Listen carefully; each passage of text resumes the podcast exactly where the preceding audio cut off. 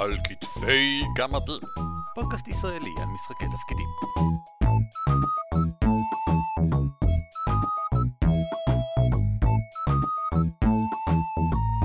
שלום וברוכים הבאים לפרק 174 של על כתפי שחקנים, פודקאסט ישראלי העוסק במשחקי תפקידים. אני עושה רוחות ככה באוויר כי הלואוין עכשיו ברגע שאנחנו מקליטים את זה, ופה באנגליה קצת מרגישים את ההלואוין הזה.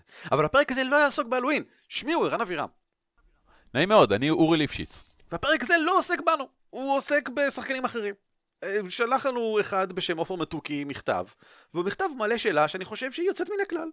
בגלל שהיא מתכתבת מצוין עם אחד מה... עם 11 העקרונות למשחק טוב שאנחנו כל כך אוהבים שהעלינו בתור מדריך באתר דרך אגב, אני לא חושב שעדכנו את האנשים בעולם שידעו. אז אם אתם רוצים, יש עכשיו את 11 עקרונות המשחק לשחקן טוב באתר, וזה מתכתב מאוד יפה עם כמה מהם. אז בואו נקריא לכם את המכתב, ואז תדעו על מה אנחנו מדברים. שלומות לגמדים העמלים בהיכלות ושמנעימים את זמני בזמן פעילויות ספורטיביות. הפעם בפי שאלה שרלוונטית ביותר לשחקנים. אתם ממליצים לשחקנים כמעט בכל הזדמנות למצוא את הדרך לשלב את הדמות שלהם בסיטואציה. לא להשאיר את הדמויות אדישות, אלא לגרום להן להגיב למה שקורה ולפעול בעצמן. אני מאוד תומך ברעיון, אך נשאלת השאלה, איך אני, כשחקן, מוודא שאני לא לוקח את זה רחוק מדי? השאלה רלוונטית במיוחד כשמדובר במשהו יזום שקורה בזמן ביניים, משחק דמות שקורה בהפסקות בין קטעי האקשן.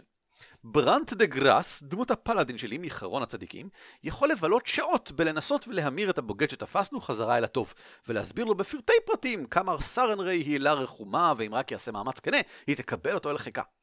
אך ברור לי שלשאר רגע, זה. זה סרן ריי, פתח גרשיים, טהרו אותו בלהבה, כן? אה, אני. מבקש, יש אספקט של הדון פלאואר שבו היא מקבלת גם אה, לליבה. טוב, אה, דיונים על גולריון אחר כך. אך ברור לי שלשאר השחקנים זה לא יהיה כיף במיוחד אחרי כמה דקות, ולכן אני משתדל לצמצם. נשאלת השאלה אם כך, כיצד ניתן למקסם את משחק הדמות בלי לעלות לשאר הקבוצה על העצבים? אשמח לשמוע את מחשבותיכם בנושא. כמו גם את דעתכם על הרעיון הבא. להודיע לשאר השחקנים שאני מתכוון להעלות את הנושא בכל הזדמנות, אך שלכל אחד אחר בקבוצה יש את זכות הווטו. כלומר, אם למישהו לא בא לשמוע על זה באותו רגע, שיגיד לי, ופשוט אסכם ב-10-15 שניות את מה שברנט עושה, מבלי להיכנס לפרטים. ותודה מראש, וברכת יהא הר יציב מעל ראשכם, עופר מתוקי. שזו ברכה נהדרת, כי למי שלא יודע אם הר לא יציב מעל הראש שלך, אתה מה זה מפחד. אמ, אני רוצה קודם כל להגיד משהו אחד, ואז לזרוק אותו מהחלון. אמ, תיאום ציפיות, תיאום ציפיות, תיאום ציפיות. תראה מה, זה, באיזשהו מקום זה מה שהוא אומר בסוף, הוא אומר בוא, כן. בוא ברמת תיאום הציפיות נמציא את המכשיר הזה שאומר יש לכם זכות וטו לעצור אותי מלגלם את הדמות שלי יותר מדי. אמ, שזה נהדר. לדעתי, אני, אני קצת פחות בקטע הזה, כי אני אומר, אה, ניסוי וטעייה הרבה יותר טוב פה. תכריז שזה מה שאתה מתכוון לעשות, או שפשוט תעשה את זה ותשאל אנשים בפרטי אחרי. תשמע, זה היה יותר מדי, זה היה פחות מדי, ככה תגלה, כי אף פעם לא תגלה מה הזמן הנכון, מה האורך הנכון, עד שלא תעקוף את אני זה. מסכים, אני גם לא לגמרי בטוח שאני בכלל זורם עם הקטע הזה של אה, כלים על משחקיים. לתת למישהו זכות וטו על אה, הזמן שמייצג את הדמות שלי, זה...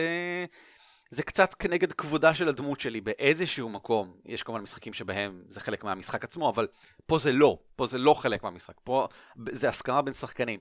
ואני מסכים איתך, אני חושב שהסכמה בין שחקנים צריכה להיות בהסכמה, לא בחוקים שאנחנו מאפשרים אחד לשני להפעיל אחד על השני. אה, תהיה קשוב, תהיה רגיש, תשאל, אה, כדי לעודד את האחר לענות, ותגיעו לאיזשהו נקודת פשרה באמצע. עם כל זאת, אני חושב שעוד מעט יש לנו כמה אה, מחשבות מעניינות על הנושא. זה נכון. עכשיו, אני חילקתי את השאלה הזאת למספר חלקים בסיסיים, ואני אענה על כל אחד מהם בנפרד. אמ, והשאלה הראשונה, קודם כל, שנפלה לי פה מתוך כל המייל הזה, זה איך בכלל אתה יכול לשלב את הדמות שלך בדברים שמתרחשים. כי אתם יודעים, מתרחשים המון דברים במהלך משחק, ולפעמים יש סיטואציה שלאו דווקא מערבת ישירות את הדמות שלך, ואתה רוצה איכשהו לשלב את הדמות שלך, כי הדמות שלך זה הדרך להשפיע על העולם. עכשיו, מבחינתי זה יכול להיות משהו פשוט כמו רק לתאר תגובה. לי המון פעמים, אה, טוב, עם בסטר אברסקיל אין לי את הבעיה הזאת כי הוא מגיב לכל דבר, אה, הוא בכל זאת ה bard של החבורה וזה, אבל לפעמים יש אה, קרב מאוד מהותי, או קרב לא מהותי, או כל משהו עם סכנה, הוא לא חלק מזה. אבל אני עדיין אכניס אותו לסיטואציה בתיאור תגובות. משפטים קטנים כמו, אוקיי, את, אתם יכולים להבחין בזמן שזה מתרחש במבט של גועל על פניו של בסטר כשהדם משפריץ. זהו. עכשיו, זה הצעה. זה, היי, תראו, הנה הדמות שלי הגיבה למשהו. עכשיו, יכול להיות שאנשים אחרים ירצו לפתח את זה, זה יעניין אותם. אחד הדמויות האחרות יכול לבוא ולהגיד, אה, בסטר, יש לך בעיה עם איך שאני פותר דברים? אבל בכל מקרה, הוספת משהו, השארת את הדמות שלך, שילבת אותה במה שהתרחש, בלי יותר מדי לקחת פוקוס. עצם ההצהרה הזאת של יש לדמות שלי איזושהי מחשבה, איזושהי תגובה למה שהתרחש כרגע, זה נקודה לפיתוח אם מישהו רוצה. ומעיד משהו על הדמות שלך. אוקיי, okay, זה יפה, כי זה מתכתב עם משהו שחשבתי להגיד בסוף, אבל נראה לי דווקא משתדל כאן יפה בתור הפילוסופיה הבסיסית שעומדת מאחורי בעצם אולי אה, כל השאר. אמ, אני רואה, כשאני בא לשחק דמות, בין אם כשחקן ובין אם כמנחה, את הדמות שלי כחלק אינטגרלי מקבוצה. אולי בגלל שאני רואה גם את עצמי כבדרן, כמעט כאילו במקום הראשון כשאני מגיע לשחק. אני לא רואה את עצמי כשחקן דרמטי למשל. אז אני בכלל לא רואה את הצורך במשחק דמות אישי שעליו מקודם דיבר אה, עופר, אה, איפה אני זוכה להציג את ה... לגלם את הדמות שלי, אה, מס... למקסם את משחק הדמות שלי. מבחינתי, כל משחק דמות הוא תמיד מול אחרים. ההזדמנויות שבהם אני מבטא את הדמות שלי, הן תמיד במערכות היחסים. אין זמן שבו אני לבד. אני, יש לי איזשהו מניע של הדמות, יש את הדברים, את הקשת הדרמטית שעוברת עליה שאני רוצה להעביר עכשיו. הדמות הזאת מתחבטת עם האמונות שלה, הדמות הזאת הם, הוא ברברי בעולם שמנסה להיות, לתרבט אותו. זה, זה, יש לי איזושהי גישה אחת, ואז אני מביע את זה באמצעות הקשרים, במקומות שבהם הדמות פוגשת דמויות אחרות. בדרך כלל דמויות שחקן, אבל לא תמיד. וזה בדיוק מה שאתה אמרת עכשיו, זה גם ברמה של לזרוק הערה בצד. זה חלק mm-hmm. ממערכת היחסים שלי. אבל זה גם בכל מקום אחר. ולכן מבחינתי, השאלה הראשונית היא, היא מוזרה. אתה לא עמוד אה, ויש עוד עמודים באזור. אתם כולכם הגשרים. שבין העמודים האלה. הדמות שלי היא, היא כל המערכת הזאת, היא לא משהו אחד. אבל כן, עופר נוגע פה בנקודה שהיא בעייתית לעיתים. יש כן. דמויות שיש להן עניין עקרוני מסוים, והוא נורא מגניב ומעניין בהתחלה, אבל אחרי הפעם ה-15 שהם באים לידי ביטוי, כבר הם פחות מעניינים לשחקנים, אולי גם לדמויות אחרות, אגב. אמ, כל הדוגמאות שעוברות לי בראש הן לא מוצלחות. אה, יש לנו, לצורך העניין, איזה דמות, והיא מאוד מאמינה בשוויון זכויות לגובלינים. והיא, כל בן אדם היא תטיף לו מוסר, ובהתחלה זה מצחיק, ואחר כך זה מעניין, ואז זה ויכוחים מעניינים, ואז כבר זה מתחיל לחזור על עצמו. כי אתם פוגשים עוד ועוד דב"שים שמנהלים שוב פעם את אותם דיונים שכבר לאו דווקא מעניינים. אני יכול להביא כאן כדוגמה את uh, זמלופיה, אם מדברים על חרון הצדיקים, שזו המערכה שהם משחקים, והוא משחק שם פלאדין, ואני משחק פלאדין בחרון הצדיקים גם כן. וגם אצלי, mm-hmm. זמלופיה היא מאוד מאוד איומדיאית, זאת אומרת, מאוד מאמינה בלהשמיד מלא שדים ולשמור מלא על כולנו. ובהתחלה היה לזה המון פוטנציאל להפוך ליבש מאוד מהר, כמו שאתה אומר, שלא יהיה מציק או רפטטיבי, אפילו שאני מאוד יכול בקלות להגיד, לא, ככה זמלופיה אמורה להתנהג. לא, זמלופ... זה מה שמאפיין את זמלופיה. אה, תציין אתה איך אתה התמודדת עם זה, ואני אציין איך אני התמודדתי עם זה. אה, יש לי כמה הצעות מעניינות איך להתמודד עם הקטע הזה. אה, אחד מהם, הפחות מוצלח בעיניי, אבל בהחלט אה, חוסך זמן, זה מתישהו לעבור למכניקה. בסדר, אני פוגש את את הדוכס הזה, ואני עכשיו מנסה לשכנע אותו, לשחרר, לא לתקוף את הגובלינים מעבר למצוק, גלגולי דיפלומסי, הצלחתי, הצלחתי, לא הצלחתי, לא הצלחתי, עוברים הלאה. זה בהנחה וזה גם מעייף אותך לחזור על הרפטטיביות כל הזמן. קטע קצת יותר מעניין שניסיתי בעבר הוא ליצור מכניקה במיוחד עבור דברים כאלה. אני בוחר, לצורך העניין, במקרה של הגובלינים, הייתי בוחר אחד מחמישה או שישה טיעונים מרכזיים, כי גם הם יצורים חיים, כי uh, כל ברואיהם של סרן ריי הם uh, שווים או whatever, והמנחה בוחר טיעון נגדי כלשהו, לפי איזה טיעון נבחר ואיזה טיעון נגדי נבחר. Um, יש פלוסים ומינוסים, ואז מגלגלים, וזה נחמד, כי זה מכניקה שהיא יותר רלוונטית מיידית לקטע. זה חמוד. זה גם מרגיש כאילו יש כאן איזשהו דיון כזה, איזשהו קונפליקט, כן. כן, ויש שיטות אני לא זוכר את השם שלה, יש כמה שיטות שהן שיטות של קרב אה, רטורי. אה, אני לא זוכר את השם, זה מרגיז אותי מאוד, שאתה יכול אה, לבחור לשחק קלפים של אה, טיעונים לוגיים ולסתור אותם עם קלפים אחרים. כן, אה, יש כל צריך- מיני. צריך- אני לא מכיר אף אחת. ממש טובה, אבל יש כל מיני, כן. כן, אז זה אופציה אחת. זה מאפשר לנו לעבור נורא מהר את הקטעים האלה, אבל כן לתת להם מקום של כבוד בתוך המערכה. אופציה אחרת, שאני מאוד אוהב, זה לשאול ישירות. תשמעו, רולף הרוצח, תפסנו אותו, אנחנו הולכים uh, לתת אותו לשריף שיתלה אותו, אבל בדרך נראה לי שאני הולך לנסות להציל את נשמתו, לגרום לו לחרטה, לקבל לחיקו את uh, האמונה ברוטגר הלא רוצח וכו'. עכשיו, בא לכם להצטרף לדיון? ואז שחקנים אחרים יכולים להגיד, וואלה, זה, זה, זה יכול להיות מצחיק, בוא נעשה את זה. או לחילופין יגידו, לא, אנחנו כבר רוצים לקבל את המאה מטבעות זהב. ואז ככה אתה בודק. עכשיו, ציינתי כבר קודם, שאחרי כל אירוע, שווה לשאול בסוף סשן. אמ, משהו אפילו ברמה של, תשמעו חבר'ה, אני מרגיש שקצת גנבתי פוקוס בסצנה עם רולף הרוצח, אבל ממש נהניתי. אה, אם אתם הרגשתם שזה היה מוגזם, אז, אז תגידו לי, אם זה היה סבבה, אז אני אשמח גם לשמוע. היתרון המהותי של זה, זה שאתה מכיר יותר את הקבוצה שלך, אתה לומד יותר ממה הם נהנים, ממה אתה נהנה. ואתם לומדים לעשות לואוד uh, בלנסינג, לתאם קצת יותר את הדברים האלה. כי גם את אותו דיון עם רולף הרוצח אפשר לנהל בכמה דרכים. אפשר שיחה כזאת שקטה של אחד על אחד, אפשר להפוך את זה למין זריקת טיעונים מכל הצדדים, אפשר לעשות את זה אה, כנאום חוצב להבות מול נאום כותב להבות מהצד השני, ולראות איך זה הולך, או שכל פעם נותנים למישהו אחר מהקבוצה לשחק את רולף הרוצח או את הדמות מהצד השני כדי ליצור דיונים מעניינים, ואז אין אה, חזרה על אותם טיעונים. אם אתה מוצא עוד מישהו שנהנה מזה בקבוצה, יכול להיות שזה נהדר להריץ את זה ככה. דרך נוספת, שאני מאוד אוהב, זה offloading. כלומר, להעביר משהו מחוץ לסשן. Uh, לנו היה מונח בימים שעוד שיחקתי שלוש וחצי, שנקרא uh, PSD. PSD זה Post Session Discussion, שזה לצורך העניין היה הקוד שאומר, חבר'ה, מאוד מעניין פה, לא עושים את זה עכשיו. עושים את זה אחרי הסשן, במיילים, בטלפונים, בדרך הביתה, whatever. וזה היה... אצלנו אנחנו אומרים, אה, אז, אז אה, טוב, לא עכשיו, אז אה, במיילים אחר כך, במיילים אחר כך, וממשיכים. כן. כן.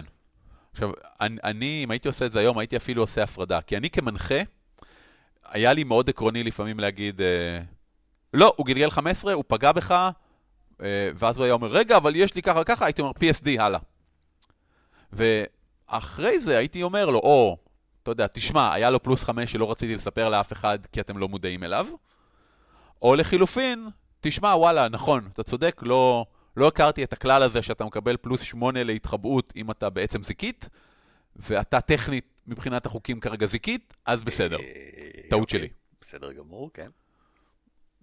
אבל העניין הוא שאותו אירוע לא לוקח זמן בזמן הסשן. כן. אחרי זה אתם מריצים את זה במיילים, אתם מריצים את זה בטלפון, בצ'אט, ב-VR, בפתקים קטנים, אתם שולחים סימוני עשן, אתה והמנחה או מישהו אחר, נהדר. זה נכון במיוחד, אגב, לסצנות בין שני דמויות שחקן. כי הרבה פעמים יש שיחות בין שתי דמויות שחקן שלא נוח לכם להמשיך אותם כי... כי היא סשן, וכי השיחה ביניכם מפריעה לכולם להרוג גובלינים.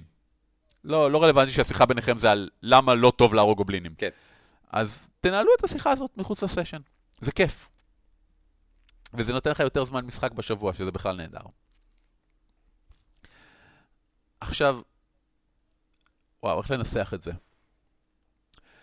היית בתנועת נוער כשהיית צעיר, ערן? חס וחלילה. אוקיי. יש תרגיל נורא נחמד שעושים בתנועות נוער, כל אחד מקבל פתק, יש, לצורך העניין, יש תפוז על השולחן באמצע החדר, כל אחד מקבל פתק, ואז מנסה להסביר למה מגיע לו את התפוז.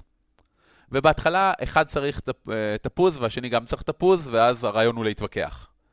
ובמקרה השני, אחד צריך רק את הקליפה של התפוז, להכין ממנה שוקול, אה, שוקולד עם קליפות תפוז, והשני צריך את המיץ של התפוז כדי להכין מיץ תפוז לסבתא שלו. והפואנטה היא שעדיין מתווכחים. יש ויכוח מאוד מאוד ארוך, למרות שהם לא צריכים את אותם החלקים של התפוז. זה פעולה כזאת לילדים בני תשע, ובגיל תשע זה באמת פותח לך את הראש. ל- לברר. אז העצה שלי לכל השחקנים זה תבררו בדיעבד מה באמת חשוב לכם בסצנה. האם זה ממש לשחק את הסצנה במובן של acting? האם זו תחושת ההצלחה שהתגברתם על הכישלון? האם זה העימות מול שאר הדמויות בקבוצה? האם זה העימות מול דב"שים? עכשיו, אני למשל, אה, וזה משהו שמאוד הפריע לי בעבר, גיליתי שבסצנות דרמטיות, מה שלי היה חשוב היה שנורא אהבתי לכתוב סיפורים על הדברים שהתרחשו בקטעי הביניים. אה, ולעומת זאת, ובגלל זה רציתי הרבה פרטים ודברים מעניינים. ולדעת הצלחה או כישלון נורא מהר, כי, כי פחות היה אכפת לי אם הצלחתי או נכשלתי. אני רציתי רק את. התיאורים המגניבים. ודיברתי עם המנחה, ובסופו של דבר, כשהבנו את זה, אז כשהיה אירועים, אירועי ביניים, אז פשוט דיברתי עם המנחה דקה על משהו שרציתי לעשות, הסברתי לו את כל הפרטים הקטנים. היה גלגול אחד של הקובייה, ואז הוא היה מתאר לי את ההצלחה או הכישלון, וזהו. אחר כך הייתי כותב איזה ארבע עמודים של סיפור קצר רק על השיחה הזאת עם, ה... עם רולף הרוצח בדרך. ועל איך הוא הסכים או לא הסכים עם uh, חייו, האם הצלחתי להחזיר אותו בתשובה או whatever.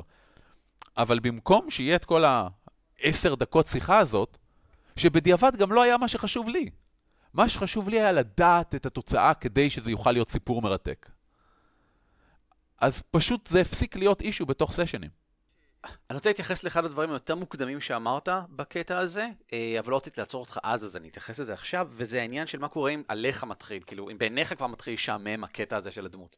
ואני מאמין מאוד גדול בכך שדמויות חייבות להיות דינמיות.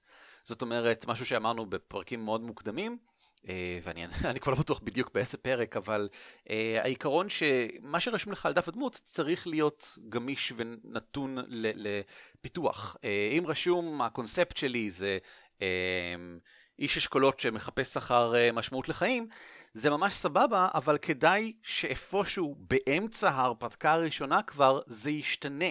זה לא צריך להשתנות לאיש אשכולות שמחפש את סבתא שלו, זה יכול להשתנות למשהו כמו אה, איש אשכולות שתוהה לגבי ה... אמ, המאבק בין uh, טוב לרע ומקומו בו, אחרי שהוא הבין שמשמעות החיים היא בעצם מעל הכל שאלה של איך אתה אמור להתנהג, האם צריך להיות טוב או רע או לא יודע מה. הנקודה היא שמשהו צריך להתפתח אצלו. וזה היה לי מאוד חשוב למשל במשחק של זמלופיה. וכמו שאמרתי מקודם, לשחק את הדמות בעיניי זה לשחק אותה מול מישהו אחר.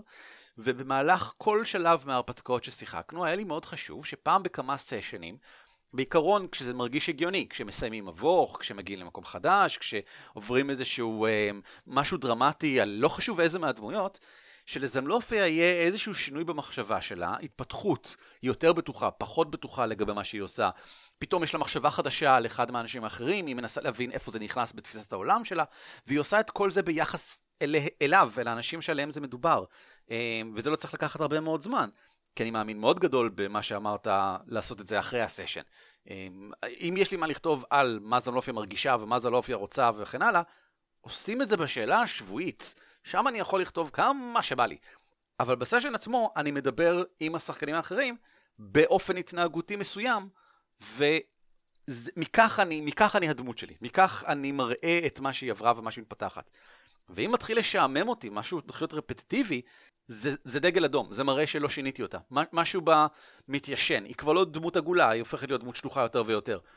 אם אתה משחק מישהו, עופר מתוקי, שמנסה להחזיר אנשים בתשובה לסארנריי, אין בעיה.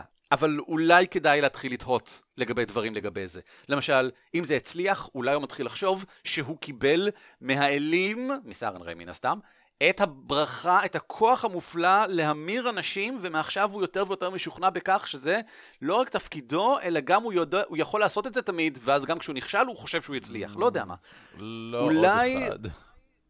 אולי אם הוא נכשל, הוא מתחיל לחשוב שאין בו את זה, שהוא איבד את זה, שהוא לא הולך בדרכה הנכונה, או שהוא הולך בדרכה הנכונה, אבל מה שהיא אומרת הוא לא נכון. למה שהוא מתחיל להאמין בו. ואולי זה יכול להשתקף באמונות של דמויות סביבו, שמתנהגות באופן אחר, ולהן כן מצליח להמיר אנשים, או להביא יותר טוב, וואטאבר. תמצא איפה תעשה החלטה, כמו שאנחנו מדברים, תעשה החלטה רגשית חזקה, אז בהקשר הזה תמצא איפה אתה יכול אה, לשנות את הלך המחשבה של הדמות שלך, לעומת הלך המחשבה והפעולות של דמויות אחרות מסביב. אני יכול רגע לנסח קצת אחרת את מה שאמרת, כדי להסביר לעצמי את זה. בעצם, הדרך שבה אתה מונע מהשטיק הזה להיות משעמם, זה אם הוא תמיד מייצר השפעה מעניינת, והשפעה מעניינת, חשוב לזכור, היא גם עליך, לא רק על אחרים. ואז אם אתה משתנה, הדמות שלך, אז זה לא משעמם. זה גם לא משעמם לאחרים, כי פתאום, היי, אחד מחברי, מהדמויות בפארטי השתנתה, אז זה משפיע גם על כולם. אני חושב שאידיאלית הדמות שלי צריכה להיות מעניינת מספיק כדי שגם אנשים אחרים ירצו לראות לאן היא מתפתחת ומה היא עושה. ואני חושב שזה מה שקרה לי למשל עם זמלופיה. במקרה די קיצוני, היא הגיעה למצב שהיא הפכה לנבלית ועזבה את הקבוצה כי היא הפכה לדבש מרושע. אבל זה לא כל מקרה צריך להיות קיצוני. אני כן חושב שבמקרה ההוא הצלחתי לעניין מספיק את השחקנים האחרים שהם כשחקנים, כצופים וכמשתתפים, רצו לראות מה קורה עם זמלופיה. הם הרגישו חלק מהסיפור שלה, וזה בין היתר בגלל שהיא השתנתה כל הזמן על בסיס אה, מה שקרה סביבה.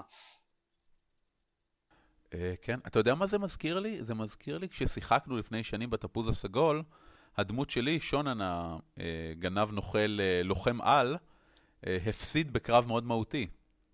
ובמשך שני סשנים לאחר מכן, אה, אני לא זוכר אם ממש נתתי לו מינוסים או שזה היה רק ברמת ה fluff, אבל הוא היה ממש חשש מלהילחם שוב.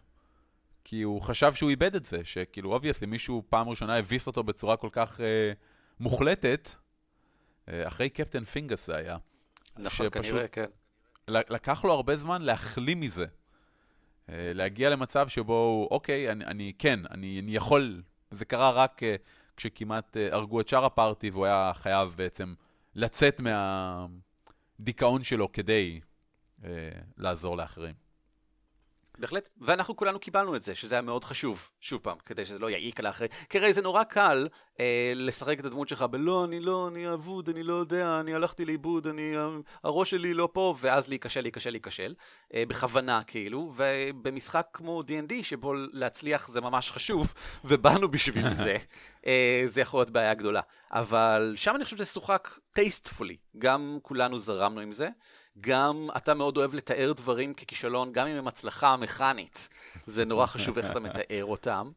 אה, וגם באמת זה היה זמן קצר והשתנה, שככה זה צריך להיות. מה שמוביל אותי לנקודה הבאה שלי. כדי שדברים יעניינו דמויות אחרות, הן צריכות לערב דמויות ושחקנים אחרים. אה, באימפרוב למשל, כשאתה על הבמה, נורא קל לגלגל אייד אנאדר. למשל, אם אתם אם הדמות שלי רוצה לדבר עכשיו עם uh, רולף הרוצח, אני יכול להגיד, רולף, תשמע, אני רוצה לספר לך איך מניסיון חיי אתה יכול להפוך מרוצח לפוליטיקאי מצליח מאוד בעיר גדולה כמו מגנימר. אבל זה ישעמם כנראה את שאר האנשים בקבוצה. לעומת זאת, אם אני אומר, רולף, תשמע, קח לדוגמה את הסקר פה, כשאני מצביע על שחקן אחר שמשחק את הדמות של הסקר. הסקר, בוא הנה רגע. עכשיו תסתכל רולף, אסקר נשוי כבר הרבה שנים באומללות איומה. אתה לא רוצה לגמור כמוהו, נכון? ספר לו אסקר כמה נורא זה להיות נשוי. מה עשיתי פה? כבר ערבתי עוד שחקן בסצנה, היא כבר יותר מעניינת, היא כבר פותחת פתח לשחקן אחר להעמיק את הדמות שלו, כן. ובמקום שיהיה פה דיאלוג שלי עם המנחה, יש פה דיאלוג שלי ושל עוד שחקן עם המנחה, מה שכבר מעניין יותר אנשים. זה מצוין, זה בדיוק האופן שבו אני מאמין בזה גם כן. אה, לא חשוב מה אתה עושה, ש... תמצא איך אתה יכול לשקף בזה את אחת הדמויות האחרות, גם כן בפעולה. אה, בפעולה, לערב בעניין, לתת דוגמאות. אה, פף, אני אפילו כשאני מספר סיפורי ברד מאפנים, אני תמיד דואג שההתייחסויות שלי, הרפרנסים, יהיו לדברים שקשורים לשאר הפארטי. גם כשאני נותן רפרנסים לדברים אחרים, אני תמיד משתדל לערב בזה חלקים אחרים של הפארטי. אה, אם אני מתאר משהו מאוד מפחיד, אני אומר, כן, אפילו החרב של ולמר לא יכלה לחצות את האור העבה והמפחיד שלו. אז נכון שאני מתאר משהו עבור דבש, אבל הרגע הזכרתי את ולמר, מה שגורם לשחקן שלו להתעניין, ואני מתאר את החרב שלו כמשהו מהותי ו- ומדהים, כן. ו- וזה גורם לו להתעניין. אה, למשל, יש מצב שבו אולי זמלופיה נותנת נאום מול קהל גדול, כי היא גם כריזמטית וגם נתפסת כמנהיגה גדולה. היא מסיימת את הנאום, אפשר בזמן הנאום להזכיר את הדמויות האחרות, זה נחמד, אבל אחרי שאתה מסיים את הנאום, היא הולכת לאייגר, הקוסם החכם, והיא שואלת, היה בסדר? הם, אתה חושב שהם השתכנעו? תוך כדי שאני אומר, והיא מזכירה קצת כזה מעט חשש, מאוד לא אופייני לה, וזה יוצר איזשהו רגע אישי גם בין שניהם, שגם מקדם את הדמות שלי, הנה חשפתי משהו חדש על הדמות שלי, היא בעצם לא כל כך בטוחה בעצמה ביכולות מול קהל, והנה עשיתי את זה עם שחקן אחר. שזה נהדר, זה גורם לזה להיות יותר מעניין, מעמיק את העולם, מעמיק את הדמויות האחרות. אני חושב שאם הייתי מסכם את כל הדברים שאמרנו עד עכשיו, אני, אני פשוט מאמין בלדבר על דברים. כמו שאמרנו קודם, בסוף סשן, לשאול מישהו מהקבוצה, אחד או שניים, או את כולם, תשמעו, היה מעניין? זה לא היה מעניין? זה... אני זוכר רגע מהותי, כשהתחלתי בקמפיין הנוכחי שאני מריץ, את Unrelated Incidents, אה, היה לנו, אחד מהסשנים הראשונים, אחד מהפארטי החליט לדבר עם איזשהו דבש, ואני כזה, אוקיי, אתם ככה וככה וככה, הוא מספר לך את כל הסיפור. ואני, אתה יודע, עם כל השנות ניסיון וזה, אתם מדברים על זה, אתה תחליט בדיוק מה אתה אומר לו. שלושתכם, אתם פונים לצד השני, ואז, כי אתה יודע, חלוקת קשב, ואני לא רוצה שישעמם לשאר הקבוצה. ואז שלושת השחקניות מסתכלות עליי כזה, מה זאת אומרת? כן, בינתיים, בזמן שהשיחה הזאת קורית, אתם הולכים לזה. לא! מה זאת אומרת לא? לא, לא, אנחנו רוצים לשמוע מה הוא אומר. לא, אבל הדמויות שלכם לא שם. כן, כן, אבל זה מעניין. ומאז יש לנו את הכלל הזה, שגם אם הפארטי מפוצלת או שמישהו עושה משהו בצד, אנחנו לא מריצים דברים במקביל, כי זה מעניין להם לשמוע שיחה של אחת מהדמויות עם איזשהו דבש. בדיוק, מצוין. כן, שזה נהדר, כי זה... לקחנו את הזמן להבין האם הדבר הזה הוא מעניין או לא מעניין, ואנחנו נותנים לו זמן. בסדר גמור. אה, האם יש לנו עוד משהו להוסיף מעבר לכל זה? Uh, כן, יש עוד דבר אחד לומר, שהוא כמובן YMMV, Your mileage may vary. כל קבוצה היא שונה, כל קבוצה אוהבת ונהנית מדברים שונים, כל שחקן אוהב ונהנה מדברים שונים. דברו על זה, תמצאו מה עובד בשבילכם, ואל תוותרו על הדברים שהופכים את המשחק שלכם לכיף. בין אם זה קטעים של כל דמות, בין אם זה אינטראקציות עם דב"שים, פשוט תגלו שזה הדברים שמעניינים אתכם. מה מעניין אתכם בסיטואציות האלה? ותמצאו להם מקום. ואל תשכחו, לשחק איתה... לא, אין לי, אין לי catch phrase. אני לא אדם עם catch phraseים. נמשיך. ועכשיו, חברים, חדשות ועדכונים. דבר ראשון, המשחק בלי לעצום עין, התרגום ל-Don't Rest Your Head, זמין עכשיו בחנות גיבורים הישראלית. הוא היה זמין בשנים האחרונות ב DriveThruRPG, ועכשיו אתם יכולים לקנות אותו דרך uh, חנות הישראלית, ולתת את כל שקליכם לעמותה למשחק התפקידים ולפונדק שמנהלים את החנות הזאת. אני רק אזכיר שיש שם גם כל מיני דברים שאני כתבתי, כל השלוש הצעות שחולקו למנויים שלנו במהלך החודשים האחרונים. דבר שני, מתברר שיש אפשרויות נרחבות למדי לגלגל קוביות בצ'אט של הנגאוט. הרבה יותר מרק 1 ק 6 וכאלה. גילינו אותן תוך כדי המשחק של ואנור, שאנחנו מנהלים בצ'אט, אביב מנוח ואני, אבל יש הרבה מעבר לרק הגלגולים הבסיסיים האלה כאמור, ואביב מנוח עשה את המחקר והעלה מדריך חדש, שזמין עכשיו באתר שלנו, כל סוגי הפקודות שאפשר לתת להנגאוט, כדי שיגלגל כל מיני דברים. בגדול, אפשר לשחק כמעט הכל דרך ההנגאוט. דבר אחרון, הרצאה מומלצת. אורי העלה את ההרצאה שהוא נתן באייקון, שנקראת עולם דמויות ועלילה ב-45 דקות, שבמהלכה הוא עובר על עשרה עקרונות מאוד נחמדים, כמובן דיברנו על הרבה מהם בפרקים, אבל זה ריכוז מאוד מוצלח של כולם ביחד, לאור העולם, הדמויות והעלילה. כל אחד מהטריקים האלה, איך להשתמש בהם באופן יישומי על כל אחד משלושת האלמנטים הבסיסיים האלה, של כל סיפור או משחק בעצם. זהו, נסיים רק עם תזכורות לשני הקיקסטארטרים שמתרחשים כרגע, האחד הוא Castle Forged, שתיים, הלארפ המאוד גדול שעתיד להתרחש אה, בעוד אה, מספר שבועות, אני לא זוכר בדיוק כמה. ובעצם עושה מכירה מוקדמת של כרטיסים באמצעות המימונה שלו. והשני, City of Mist, משחק התפקידים של עמית משה שאני ערכתי, שעבר מזמן, מזמן כבר את ה funding goal שלו, הוא מעל 40 אלף דולר, אה, מתקרב עוד מעט לאלף אנשים כבר שהשקיעו בזה, ואם גם אתם רוצים, מעולה, כי ה stretch goals מצוינים ומשפרים באופן מאוד משמעותי את התוכן שכולם עומדים לקבל. זהו, שיהיה לכם משחק נעים ומטורף, הפרק הזה היה קצת קצר, היינו קצת לחוצים כאמור, אבל uh, שטויות, זוטות. כרגיל, אם אתם רוצים שנעשה נושאים מעניינים כאלה ואחרים, אם יש לכם בעיה כזאת או אחרת במשחק, אם אתם חושבים שלא נכון, שלא עושים מספיק על הנושא XYZ, שחייבים לדבר עליו יותר, מעולה, שלחו לנו מייל לגמדים את roleplay.co.il או כנסו לדוורבס.org.il או תלחשו את זה לתוך האוזן של עצמכם. להתראות. על כתפי גמדים משותף ברישיון שיתוף ייחוס זהה Creative Commons 3. כלומר, אתם מוזמנים להפיץ אותו היכן ומתי שתרצו, כל עוד אתם נותנים קרדיט למקור. הצוות שלנו הוא ערן אבירם, אורי ליפשיץ ואביב מנוח, וניתן למצוא אותנו באתר שלנו ב-dwarves.org.il, בפייסבוק, בטוויטר או בגוגל פלוס, או לשלוח לנו מייל לגמדים את roleplay.co.il. על כתפי גמדים מוגש לכם בחינם, ואם אתם רוצים לתמוך בנו, היכנסו בבקשה ל-dwarves.org.il/support.